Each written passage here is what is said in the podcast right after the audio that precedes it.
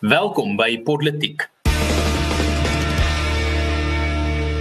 Welkom by Politiek. Ek Paul Marits en uh saam met my ateljee is Erns van Sail en Herman Pretoria. Ons hoop Daniel Elof sluit binnekort ons aan. En hierdie is die 100ste episode van Politiek, ten minste die 100ste gewone episode. En vandag se episode bankkaarte, raskaarte en spyskaarte.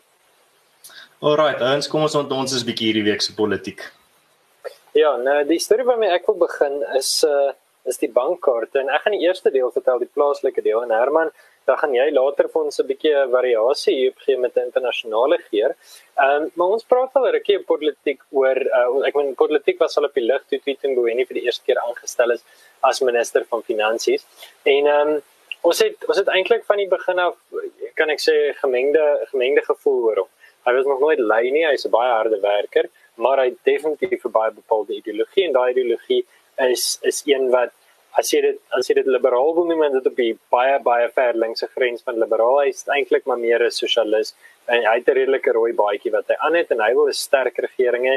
Ehm um, en natuurlik wat ons toe nou gesien het is uh, is dat hy hierdie week 'n paar dinge aangespreek het en 'n paar skuwe gemaak het en die een daarvan is die internasionale fondse waarvan Herman ons meer gaan vertel maar dit wat ek wil fokus is die uitspraak wat hy gemaak het en is so ironies dat hy uitgevaar het op sy Twitter rekening oor die uh, plundering van COVID-19 fondse. Nou Karels het ons nie gesê dit gaan gebeur nie. Antwoord is ja, ons het. Ons het gesê toe hulle wat doen met 500 biljoen rand of 500 miljard rand, 100 miljard rand of hoeveel dit ook al is. Ek het geweet ek gaan nie sê daarvan sien. Wel, Paul, jy het nou reg, jy het nou reg nie 'n kristalbal nodig om te voorspel uit wat ons gesê het nie. Kom ons wees maar realisties.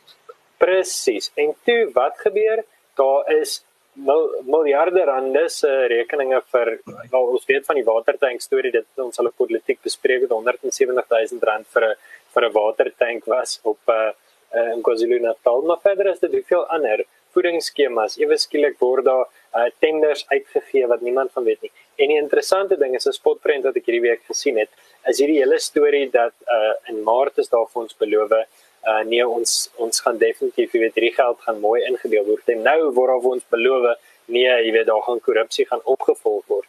Ek bedoel ons as suid-afrikaners is seker nie die slimste mense in die wêreld nie. Ek erken dit ek sukkel baie keer om die jy weet te verstaan of stopstrate toegang teken is ek toegee teken is ek erken ons is nie die slimste mense op aarde nie.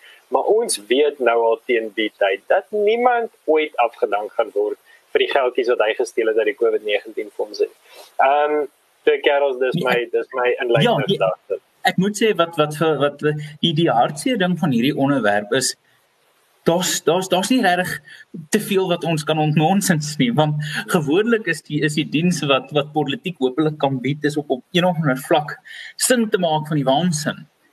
Um en um, hier ek dink as daar een vlak is of een onderwerp is waar Suid-Afrikaners besonder kundig is, is dit ehm um, korrupsie en, en en wat gebeur met daai fondse? Maar ek dink wat wat ons net weer eens hierso sien is dat ehm um, elke Suid-Afrikaner wat vir Cyril Ramaphosa gestem het in die hoop dat hy 'n hervormer is of in die hoop dat ehm um, nou nie hervormer in die teologiese sin nie verstaan? Dis dalk dit mag hy dalk wees. Dis nie hier of daar nie. Maar elke Suid-Afrikaner elke wit middelklas Suid-Afrikaner ehm um, elke swart middelklas Suid-Afrikaner wat geglo het dat omdat hierdie perd 'n uh, ehm um, 'n uh, besigheidsman was dat hy 'n sin van besigheid het. Hy praat met dieselfde aksent as ons.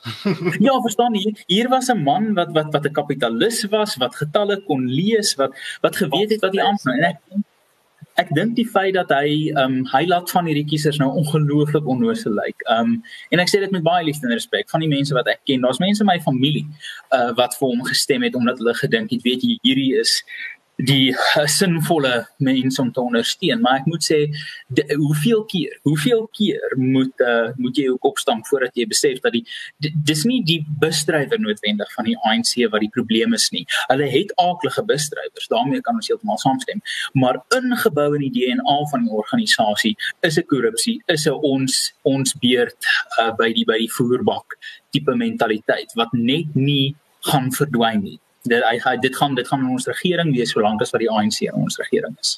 Hmm. Nee wat maar dis regtig iets wat ek dink ons tot vervelends toe al hier uh, bespreek het op politiek. Ek dink nie ek gaan nou weer deur al die uh, punte gaan wat ons al gemaak het oor die maande as dit nie jare is uh wat as oor hierdie onderwerp praat nie of hierdie selfde storie oor en oor gebeur nie. Um vir my die hoofding wat ek net hierso sien wat ek dink net weer en weer beklemtoon moet word is die feit dat soveel mense absoluut net gefop was. Um en dit was nie omdat hulle dom was nie, dit was nie omdat hulle nie kon in die toekoms insien nie, um, maar dit was omdat die mense rondom hulle ook gefop was. Die die mense na wie hulle opgekyk het, die slim analiste, die kommentariat van hierdie land was uh, het hulle op hierdie pad gelei. Uh, dit was nie net dat hulle het gekyk na Cyril Ramaphosa en gesê Jesus, hierdie ou lyk na 'n goeie leier nie. Ehm um, hulle het na hom gekyk en toe sien hulle maar die voor op die voorblad van die koerant sê hulle maar hy's 'n goeie leier. En hierdie opinie stuk wat ek gelees het van Max du Preez sê hy is 'n goeie leier. En in hierdie opinie stuk van Piet ehm uh, van Pieter Bruce hy is 'n goeie leier. En ek dink dit is op die ou en die ding wat die belangrikste is. Die feit dat ons moet agterkom dat hier's daar's mense wat hierdie storie aan ons verkoop het. Daar is definitief nie 'n uh, enige ander manier om dit te sê nie. En uh, ek kan nou nie self sê ek het ooit 'n uh, uh, geval van Ramaphoria gehad nie, maar terselfdertyd het ek baie mense geken wat ek as baie slim ag wat definitief uh, gefop was en wat ons nou hierso sien is 'n president wat eerstens ehm um, glad nie enigiets gedoen het aan korrupsie soos wat hy gesê het hy gaan doen en soos wat sy aanhangers gesê het hy gaan doen. Ja, tog geen koppe gerol nie. Tweedens, ons sien nie die uh die groot vereniger wat vir ons beloof was nie. Van Cyril Ramaphosa gaan die land bymekaar bring. Die Zuma era is verby en ons gaan nou weer uh, tussen alle kulture en rasse weer 'n een eenheid sien wat ons miskien dalk vir dekades laas gesien het. Ehm um, dit het nie gematerialiseer nie. Ons het 'n president gekry wat meer volgens my die minderheid uh die die die skuld gee en die die sondebok maak as ooit uh as van sy uh die presidente wat voor hom gekom het. Ons het 'n president wat absoluut op belaglike verskonings maak, die soort verskonings wat die die pers vir Zuma voor sou geslag het, maar vir een of ander rede vir president Cyril Ramaphosa verskoon. Um, ons het 'n president wat kyk na die plaasmoorde probleem van Suid-Afrika en nie soos vorige presidente maar net stil bly nie, maar eerder uit sy pad uit gaan en letterlik sê daar is geen moorde van boere in my eie land nie en daar's geen grondgrype wat gebeur in Suid-Afrika nie. Waar het jy ooit so iets gehoor van enige president in Suid-Afrika se geskiedenis wat ek en ek praat nie van die uitlatings nie, maar wat sulke uitlatings maak en dan nog so glad nie enigsins uh, bevraagteken word deur enigiemand in die pers of vir enigiemand wat regtig deel is van die die groep mense wat vir ons eintlik uh, op hoogte moet hou van wat se foute daar gemaak word. Ek bedoel daar's te snel dit wat dit begin as 'n grappie, maar dit begin al hoe meer ernstig vir my lyk like, dat Netwerk 24 of News24 is maar net die PR span van uh, Cyril Ramaphosa. Hy kan niks verkeerd doen nie. As hy iets verkeerd doen, dan kom dit dan haas hulle hulle self na sy sy toe om vir te sê wat hy eintlik bedoel het. Ek bedoel ek ja. kan nie ek kan nie onthou hoeveel uh, Adrian Bason opiniestukke ek gelees het gedurende die Grendelstaat wat net vir hom geprys het nie, wat hom majesties genoem het, wat gesê het hierdie is regtig ons eie Churchill. Hierdie is die die groot leier wat en die die nuutste voorbeeld daarvan is met die die verbanning op alkohol waar hulle gesê het moenie vir Cyril Ramaphosa kwaad wees nie, wees kwaad vir die mense wat gekuier het. En dit is ons leef in 'n absolute onderste bo land in terme van dit en die soort ehm um, uh instellings wat veronderstel is om die gewone burger te beskerm en in te lig teenoor wat met hom gebeur in terme van die die regering wat uh, hom om die bos lê is die, is dieselfde instellings wat die regering prys en wat die regering se skoene vir hom uh, poets. So dis vir my absoluut skokkend dat uh dat ons in hierdie situasie is maar al hoe meer mense begin dit sien. Dis 'n bietjie van 'n lig aan die einde van die tonnel vir my. Ja, so my laaste gedagte hier is vinnig en Herman, ek gaan ek vir oorgee vir miskien laaste gedagtes net so my inlei in die volgende punt van die van die bankkaarte segment. En maar die die die punt vir my is is redelik interessant. Ehm um, Pieter Mboweni het getweet, hy het gesê jy weet, ehm um, 'n tender is 'n etiese kontrak. It's not a blank check, jy weet. Dis nie 'n blanko check om net te doen wat jy wil doen met daai geld. En toe, en hier is die beste. Dit is het dit het my week gemaak. Toe sê hy watch this space. Nou sê ek sê, okay. So 18 Februarie 2018. Ehm um, toe Cyril aangekom het, het hy gesê law and order will abide wat ook al. Hy het vir die koningin Elizabeth in die kasteel gaan vertel nou there will be justice in South Africa. En ons het 100 miljoen rand aan die Zondo-kommissie spandeer, uh, 200 300 miljoen aan die Zondo-kommissie spandeer. Vir wat? Watch this space. Dis bitterlik interessant Minister Mboweni. We've been watching this space and ons sien absoluut niks. So, um, ek dink nie die oplossing lê plaaslik nie en Herman, daar's vir jou 'n goeie geleentheid. Ek is soos volleybal, ek het hom daar vir jou gesit. Vat op. Ah, oh, weet jy, is baie gaaf. Nou, ek weet nie of hierdie refleksie is op my volleybal vermoëns nie, maar ek gaan een trekkie terug moet laat gaan. Um ek dink as as mense gaan kyk na die fundamentele probleem, dink ek wat ons sien in Suid-Afrika nou al vir 30 jaar. Um wel nie die fundamentele probleem, maar ek dink 'n groot probleem is dat ons ons is uh, in 'n denkskool in 'n nasionale denkskool van um teenkantingsdefinisie politiek. Um in die sin dat alles wat nie dit is wat waarteen ek is nie moet ek ondersteun. En en ek dink dit is hoekom die joernalisme in hierdie land so vir 'n loop gegaan het is vir baie jare was dit verstaan jy was jy was teen apartheid. So ehm um, as jy teen apartheid was sekondêr dames is vir uh, in in die 80 90 jare het dit die ANC geword. En toe kom dit nou die toe toe uh, raak dit nou die era van die ANC en as jy dan teen dit is dan moet jy pro apartheid wees. Daaroor is hierdie idee dat as jy um teen die NP is of teen die NP was, dan moet jy vir die ANC wees. En as jy uh, teen die ANC is, dan moet jy vir een of ander 'n uh, uh, verre regse rassistiese uh, uh, uh, etnonasionalistatiese, jy weet, NP Suid-Afrika wees. En ek dink hierdie definisie van kom ek kyk dit wat sleg is en definieer myself aan die teenoorgestelde daarvan is hoekom Ramaphosa die kans gekry het om so baie Suid-Afrikaners te vnuit. Hy was die reaksie op Zuma.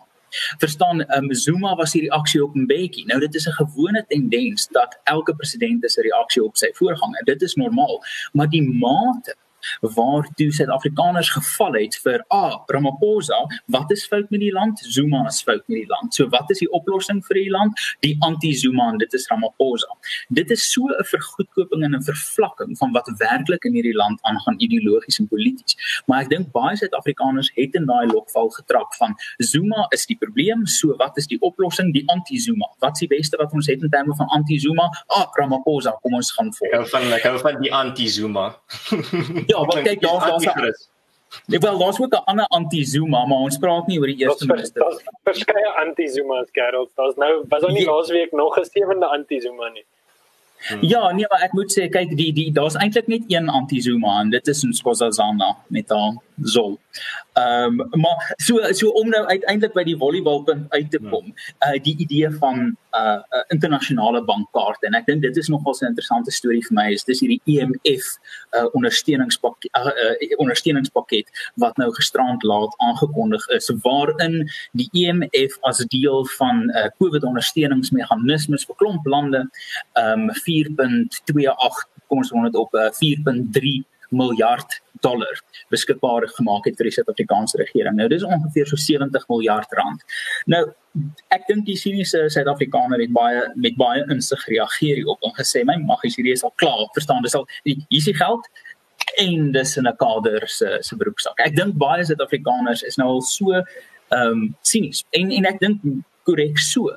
Um, maar ek dink daar's ons een baie interessante ligpuntjie in hierdie verwikkeling en en ek moet sê van die van die ERR se kant af is dit 'n is dit 'n klein oorwinningkie. Verstaan ons Suid-Afrika is daar klein oorwinningkies en en ons jaag hulle na want op die einde is dit die klein oorwinnings wat werklik die muur afbreek. Um en en dit is die IMF het aan die Suid-Afrikaanse regering 'n waarskuwing gerig wat dit aan geen ander regering gerig het nie. As mens gaan kyk na die dokumentasie of die stellings wat die EMF gemaak het oor Egipte of Montenegro of Rwanda of Papua New Guinea, geen ander land word so oor die vingers getik um soos Suid-Afrika oor die huidige toestand van die ekonomie nie. In die stelling wat die IMF e laat gisterand gemaak het, het hulle gesê, ehm um, daar was 'n pre-COVID 'n uh, krisis, ekonomiese swakhede en dringende pressing, dringende strukturele hervormings is nodig, maar nie enige strukturele hervormings nie. Groei um, of wat se growth 'n eh, growth inducing of of 'n 'n uh, pro-groei is uh, strukturele hervormings en dit is die klein oorwinning wat ek dink Suid-Afrikaners nie moet miskyk hervormings Wat wat wat? Vrye mark hervormings. Vrymarkhervormings. Ja, nee. so staan ek jy jy jy praat duidelik westerse kapitalis jou CIA CIA agent. Maar ehm um, die die die ding waaroor ons baie bly moet wees is ehm um, die internasionale gemeenskap en die diplomatieke gemeenskap het alle respek gesê is baie traag om te verstaan wat in Suid-Afrika aangaan. Ek dink dit is nogal 'n westerse kwaal. Uh wat jy jy kyk na wêrelde wat kultureel totaal en al anders as jy is en jy aanvaar net dat uh weet jy daai mense se beginsels in die wêreld uitkyk. Presies dieselfde dieselfde en hulle redenasies werk op presies dieselfde manier. So ek dink uiteindelik het die internasionale gemeenskap wakker geskrik en het die EMF in baie diplomatisiese uh diplomatieke taal amper maar sterk diplomatieke taal gesê weet julle kerels ANC hierdie is nie goed genoeg nie hierdie gaan nie deeg nie. Julle moet behoorlike uh, hervormings hier inkry want julle sal oplet. Dis nie meer net structural reforms soos wat dit in die ou dae was nie. Dit is growth inducing structural reforms. En dit is 'n belangrike skuif in die internasionale persepsie van Suid-Afrika en um, en ek dink die Suid-Afrikaanse burger kan nogals trots wees op homself dat dit is deur die doelgerigtheid van Suid-Afrika en Suid-Afrikaners op algemene voedselvlak wat uh, eenvoudig oor die afgelope 10 jaar eerlik met die buitewêreld gepraat het vanaf klomp oorde, klomp organisasies wat uiteindelik die internasionale persepsie van die ANC begin skuif. En um, om Tito Mboweni en Cyril Ramaphosa se se se frase te gebruik, watch this space. Ek dink hmm. daar sou 'n 'n 'n verandering van strominge in hoe die internasionale wêreld kyk na Suid-Afrika en spesifiek die ANC. Hmm. Erns kan ek net uh, net 'n oomblik inspring. Uh Herman, daar's 'n vraag vir jou op Facebook. Chantal Rademan vra: "Wat gebeur as ons nie die kondisies nakom nie?" Sê dit ook net kan antwoord Erns dan kan jy sommer inspring daarna skielik. So ehm um, daar's ons 'n paar meganismes wat die EMF gebruik om uh, finansiële hulp te gee.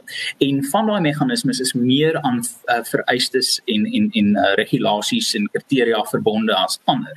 Die COVID-19 hulp is nie baie sterk gekoppel aan hierdie vereistes nie, maar daar is wel breedweg 'n verwagting op makro-ekonomiese grootskaalse strukturele hervormings. Maar waar hierdie afwyk van jou gewone EMF befondsing is, jou gewone EMF IMF befondsing is baie fase gebaseerd en inkrementeel dat daar 'n sekere oogmerke vir elke fase en as jy uh, die die oogmerke in daai spesifieke fase ontmoet het dan kan jy in die IMF oorgaan na die volgende fase en jy kry die volgende dosis geld. Hierdie is nie so geval. Daar is nie 'n inkrementele monitor van wat met hierdie geld gedoen word nie, maar op daai punt moet mens wel sê hierdie is 'n baie klein lening eintlik. Dit is om minder as 10% van die begrotingstekortval um in in in gewone soort van be begrotingsoorweging. So dis 'n baie klein ding, maar mense moet dit sien as 'n toets die waters oomblik. Want ek dink nie hierdie is die laaste keer wat Suid-Afrika na die EMF toe moet gaan nie. En dit is wanneer ons die volgende keer na die EMF toe gaan en ons gaan daai inkrementele fase gebaseerde uh, ooreenkoms binne wat die kriteria en die en die en die uh, wat is die performance regulations die die verstaan hoe goed jy besig is om te doen werklik inskop as 'n meganisme. Hmm. Ehm um, ja wel, ek kom miskien bietjie van 'n bietjie meer van 'n onortodokse hoek vat met dit. Ehm um, wat ek hierso sien is ek wil eintlik reageer op iets wat jy daar aan die aan die einde gesê het van jou vorige opmerking Herman, dit is hoe die buitewêreld eintlik uitgevind het of meer 'n 'n duidelike prentjie gekry het van wat in Suid-Afrika aangaan. En ek moet absoluut my my hoed afhaal vir die burgerlike samelewing van Suid-Afrika. Ek dink regtig dit is waar die die meeste krediet lê en dis waar die meeste die harde werk regtig gedoen word. Die ouens wat uh, doen wat doen wat hulle doen omdat hulle regtig die Suid-Afrika se beste ehm uh, die beste in gedagte het nie omdat hulle die land wil vernietig of omdat hulle uh, anti-patrioties teenoor Suid-Afrika soos hulle ge, geraam word deur die die media of deur die ANC nie. Ehm um, en ek dink regtig dit is die toekoms. Dit is die toekoms van van hoe die wêreld ek dink in in die hedendaagse wêreld hoe hulle kyk na lande, is ek dink hulle kry al hoe meer hulle inligting van die die burgerlike samelewing van daai land af, nie net spesifiek Suid-Afrika nie.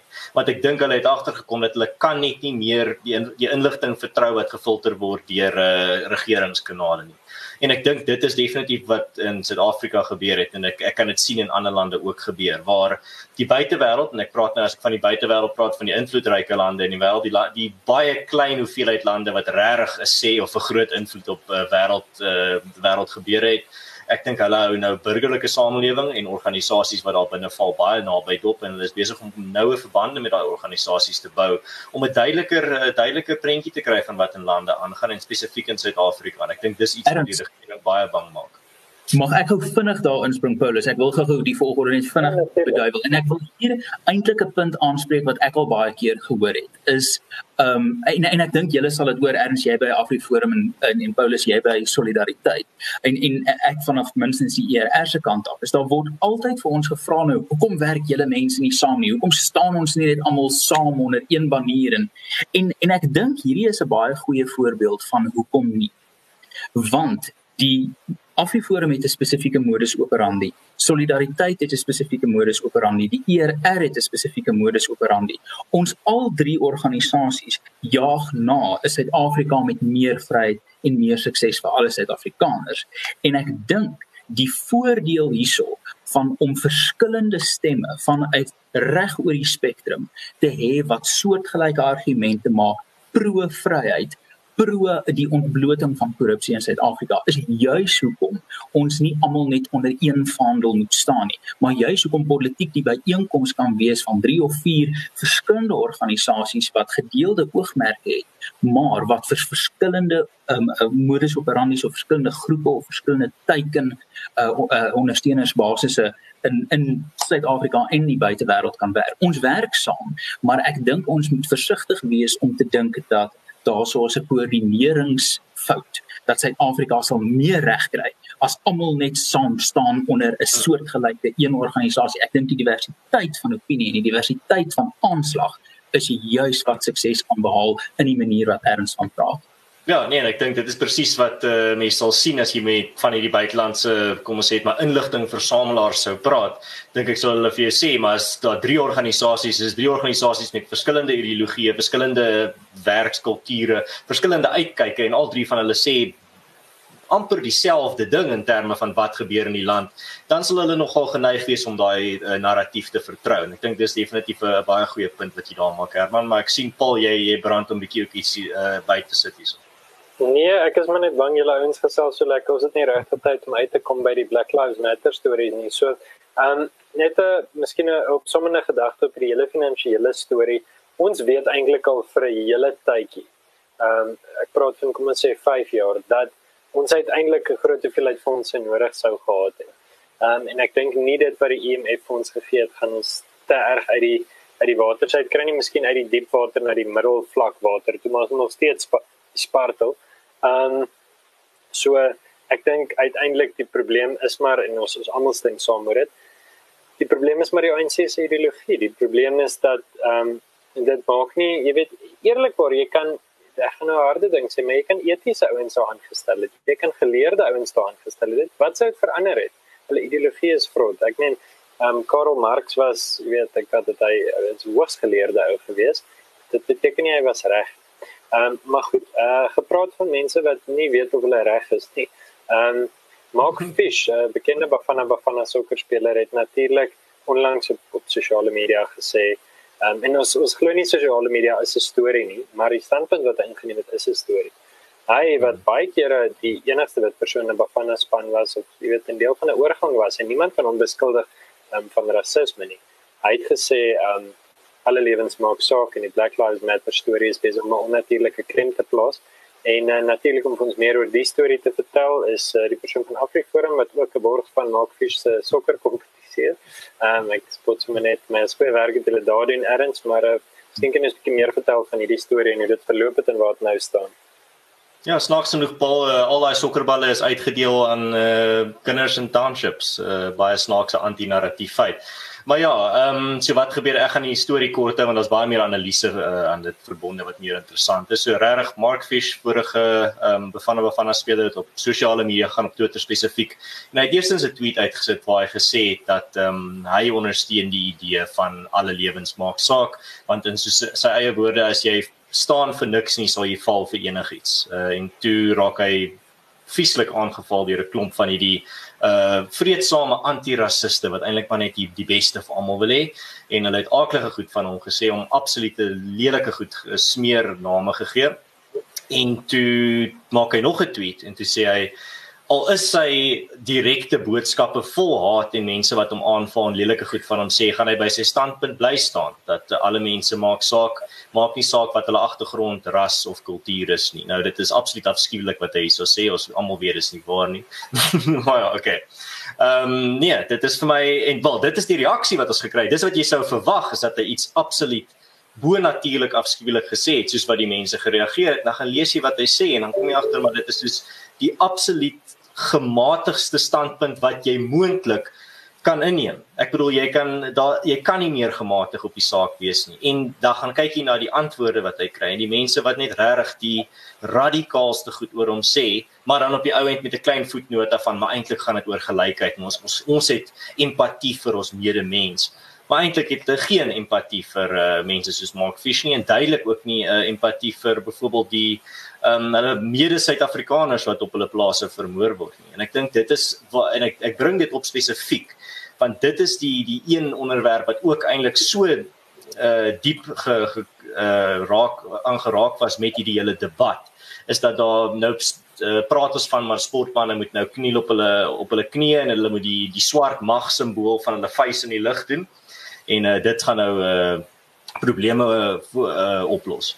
Maar dan terselfdertyd sê daar ander mense maar ons het ernstige bloedprobleme in ons land en ons het probleme soos byvoorbeeld plaasmoorde. Kan ons nie eerder iets meer relevant tot ons eie land ondersteun nie? Ek ek dink persoonlik dit sal 'n ongelooflike verenigende boodskap gewees het as mense dit kon doen.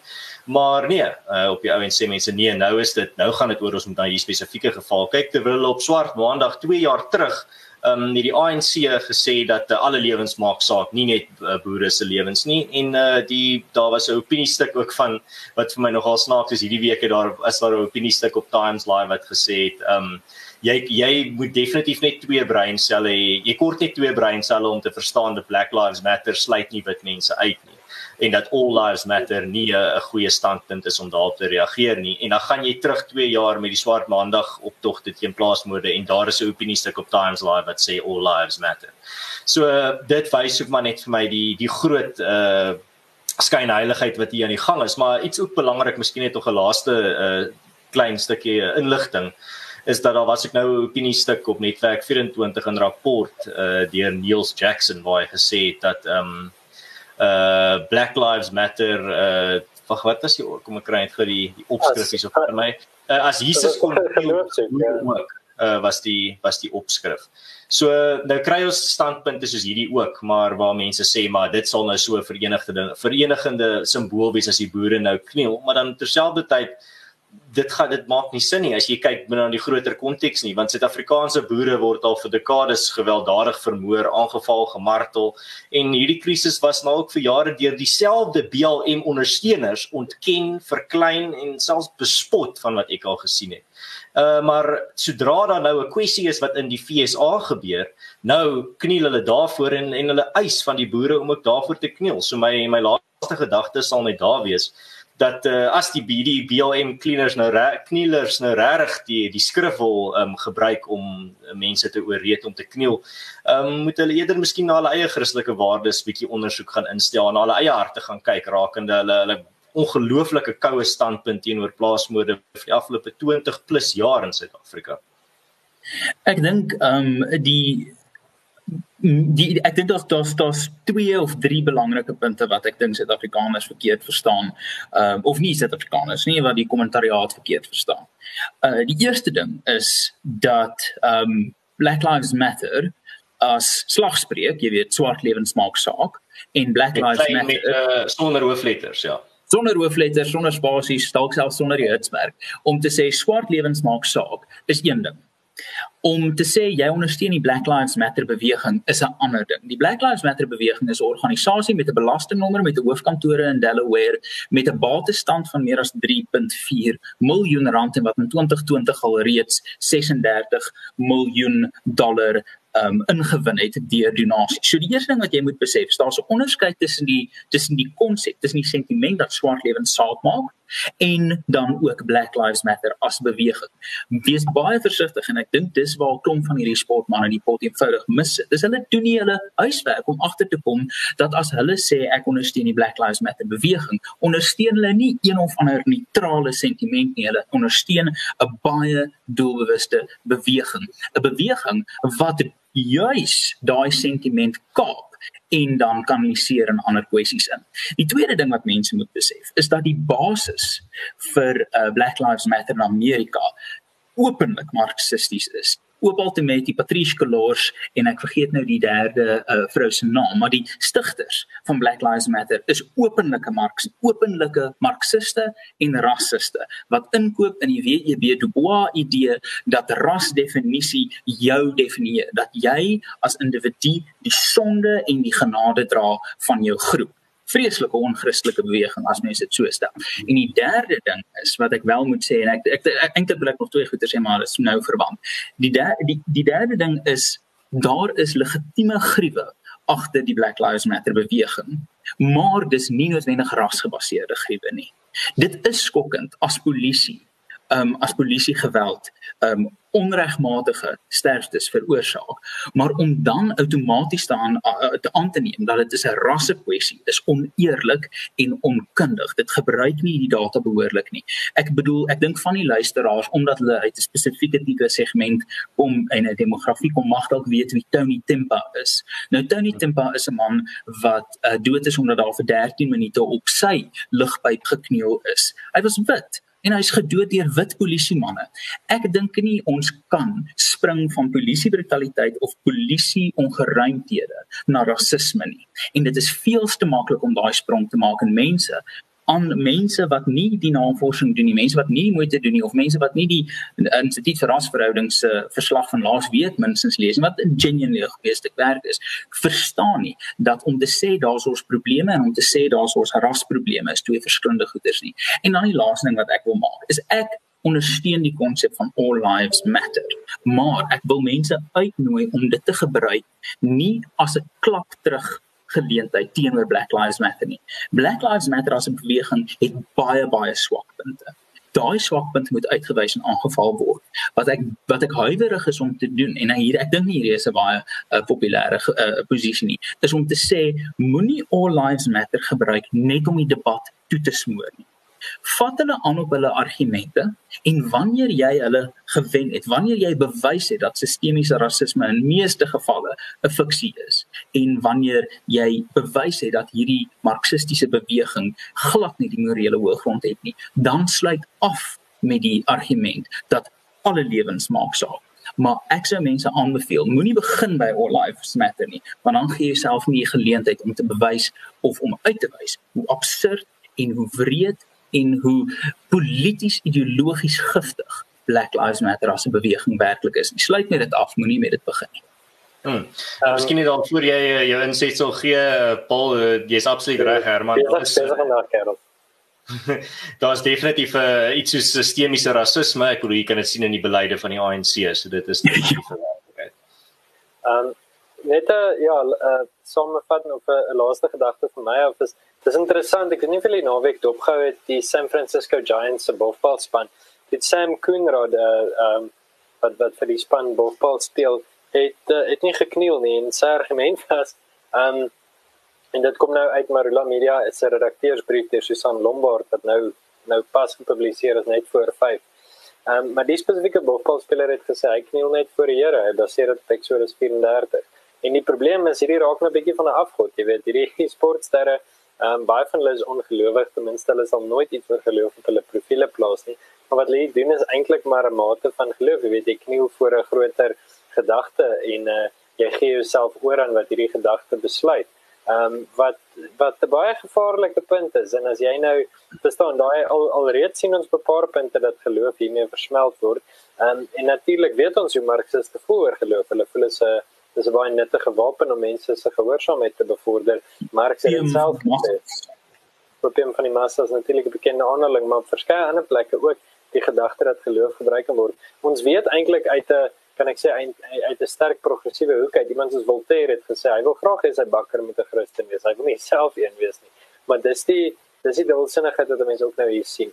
Nou ja, gepraat miskien van dubbelsinnigheid terwyl die regeringsamptenare besig is om hulle self trommeldik te eet aan uh, die staatskoffers. Uh, kan die res van ons nie eers uitgaan vir 'n burgertjie of 'n pizza nie. Nou hierdie sou Daniel se storie wees, maar ek lei hom graag en ek wou eintlik sê Erns, jy moet maar praat want al die wynboere kom aan die Kaap af, maar laat ek hom algemeen inlei.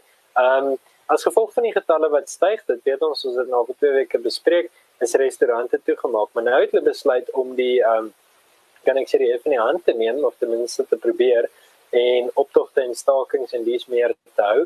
Ehm um, Kevin Peterson, ek het verlede week ook melding gemaak van sy opmerking Hy sê 7,5 miljoen mense in Suid-Afrika is in een of ander manier afhanklik van of toerisme of spesienering as industrie. En hierdie mense is besig om stelselmatig geruineer te word. Sterk kettinggroepe, ons het nou hierdie week gehoor van Domino's Pizza, um, wat deure gaan toemaak in Suid-Afrika en verskeie ander ehm um, restaurantgroepe is net absoluut daarmee heen.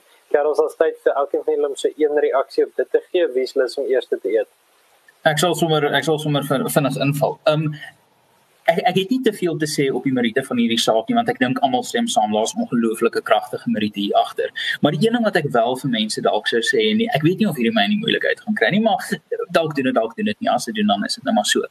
Die een ding wat die marxistiese plan en die nasionaal-demokratiese revolusie nooit in ag neem nie, is dat die sogenaamde bourgeoisie, die middelklas, die sogenaamde wit middelklas 'n bietjie ehm um, selfopstandig raak uh dit is die een ding wat hulle nie in ag neem nie wat uh wat nogals ek dink 'n uh, uh, speek in hulle wiele kan breek of 'n spanner in die works kan gooi. So ek wil net sê vir elke Suid-Afrikaner wat die restaurant beweeg het, se vreedsame stakings en se vreedsame demonstrasie ondersteun het. Ek hoop ons kan dit weer doen. Ek hoop dit hou aan want ek dink daar is 'n ongelooflike krag in 'n uh, klas mense wat vir te lank rondgeneuk is um nie volgens raslyne nie, maar volgens ideologiese lyne.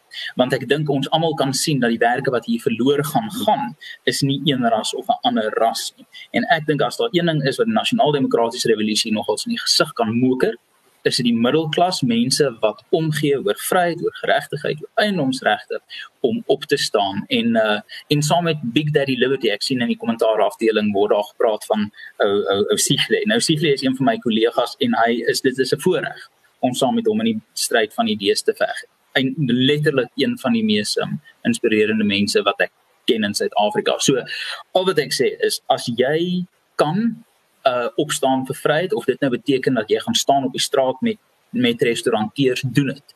Hulle hulle verwag nie dat ons dit gaan doen nie en dit is ons plig om regtig by elke geleentheid wat ons kan op te staan vir vryheid.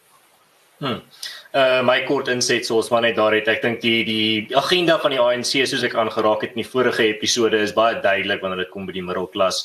As Cyril en sy maters praat van ons gaan 'n nuwe ekonomie bou en ons gaan 'n ekonomie eers afbrand en dan uit die as uit 'n nuwe ekonomie bou. Hy praat van die middelklas vernietig en dat daar net op die ou end 'n klein uh oligopolie van uh kaders is wat die almal wat oor almal regeer wat ewe arm is, maar dan uiteindelik gaan ons gelykheid bereik het. Dis dit nie eintlik maar net die die einddoel waarvoor ons almal streef nie. Ja. Nou ja, Kerels uh, uiteindelik ehm um, ja, kom ons sê kos vat 'n bietjie son. So Suid-Afrika se vermoë om die boeke te laat klop. Uh, is hierdie episode vir eers verby eintlik al daai daai vermoë is lankal verby maar ons 100ste episode kom tot 'n einde. Ehm um, hmm. baie lekker vir ons om jou as politiek luisteraar hier te hê. Ons het baie gegroei in die afgelope 2 jaar en 'n bietjie. Ons nou jou as luisteraar uit om self te nonsens vir die gesprek voort in die kommentaarafdeling. En jy kan ons gerus ondersteun op Buy Me a Coffee of op Patreon as jy van wat ons doen. Ehm um, ja, en ek ek moet sê in die afgelope week is daar baie ondersteuning gewees. Mense op Facebook wat vra hoe kan hulle bydra, hoe kan hulle help. Ehm um, Ja, dis dis net vir ons lekker dat julle luister. Deel politiek. Ons doen nie hierdie om geld te maak nie. Ons doen hierdie omdat ons regtig aan glo. Ehm um, skakel gerus volgende week in en ons ons is ons bietjie verder. Lekker dag.